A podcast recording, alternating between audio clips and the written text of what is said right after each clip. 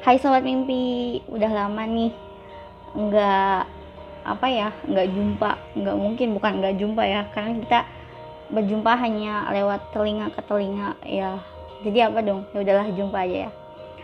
Sudah sekian abad mungkin ya kita tidak berjumpa dengan podcast kayu sepeda. Dan karena ada hal-hal lain aku tidak bisa melanjutkan proyek yang sebenarnya ingin aku uh, apa ya upload mungkin ya upload melalui uh, podcast. Melalui suara dari tulisan ke suara. Aku masih apa ya mager mungkin.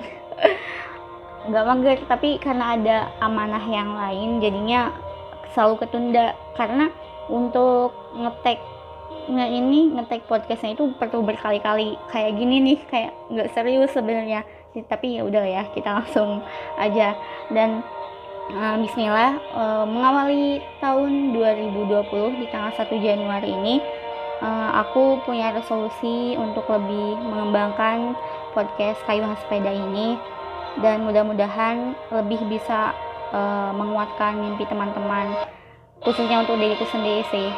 Dan pokoknya intinya jika memang podcast ini bermanfaat atau tulisan kayuhan sepeda bermanfaat untuk teman-teman itu hanya bonus dari Allah saja. Karena Allah yang telah menggerakkan tangan ini untuk bisa menulis. Oke deh langsung aja ya.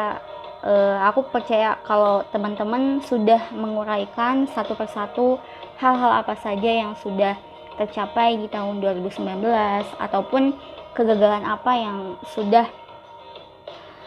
kita hadapi di tahun 2019 ya sedikit mengutip dari nanti kita cerita hari ini bahwa setiap orang punya kegagalan dan kegagalan itu sudah sesuai dengan porsinya.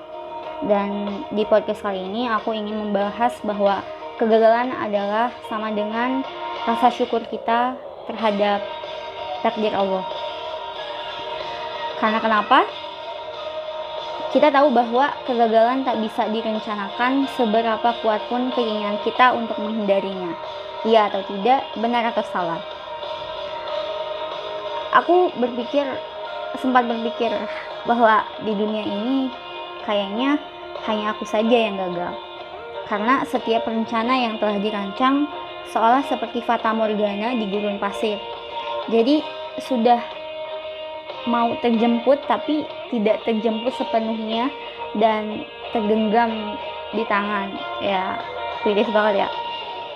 Dan sadar atau memang sengaja tidak sadar aku lupa bahwa di dunia ini dunia ini itu tidak berputar hanya untuk diriku. Motivator hebat yang tengah disoroti lampu panggung pun pernah gagal setiap orang hebat, orang keren pasti pernah gagal. Karena mewujudkan mimpi tak semudah merancangnya. Tapi, kegagalan tak selalu buruk. Hanya saja bagaimana kita menyikapinya. Cara terbaik adalah menerima dan menikmatinya meski tidak mudah. Sedikit mengutip kalimat dari penulis favorit, dari Mas Kurniawan Gunadi bahwa menerima dan menikmati itu memberikan yang terbaik meski sedang drop. Mau berjuang dan tidak memberikan ruang untuk menyerah. Apa pun keadaan kita di belakang, kita tetaplah seorang manusia yang memiliki kemerdekaan untuk mengambil keputusan sendiri. Kita tahu bahwa kegagalan itu seperti ombak, gelombangnya nggak bisa ditebak. Perihal apa pun di dunia ini, pasti selalu dalam takarannya. Ujian dan nikmat. Gula saja, kalau takarannya lebih, orang Sunda bilang bakal giung. Coba teman-teman cari di kamus bahasa Sunda apa itu giung. Oke, itu PR di episode kali ini ya. Nah, kita harus yakin dan tenang saja, selalu ada takaran untuk tiap apa pun. Dan pertanyaanku adalah kegagalan apa yang kamu syukuri di tahun 2019? Mungkin aku, kamu, kita semua sudah bertemu banyak kegagalan. Kegagalan lagi, gagal lagi, sama kayak di tahun sebelumnya.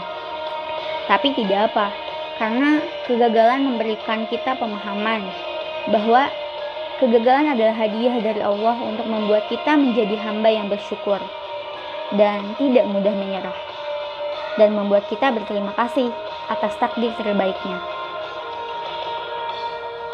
Sebab kita tahu bahwa ada takdir yang bergerak di atas rencana kita. Saat kegagalan menyapa, kita hanya perlu mengganti cara untuk menjemput rencana tersebut, memakai cara yang lain sampai ketemu cara yang diterima. Jadi, apa goal kamu di tahun 2020? Dan aku mau mengingatkan, mungkin teman-teman sudah membuat resolusi dari tahun sebelumnya, ya nggak mungkin ya.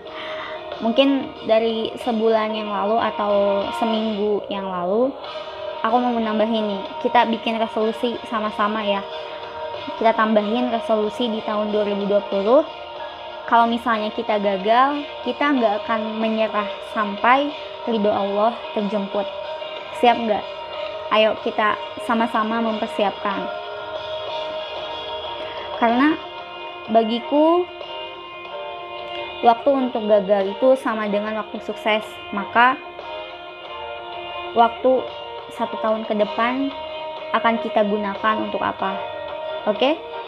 so selamat menikmati prosesmu dan selamat menemukan ruang kebaikan yang baru.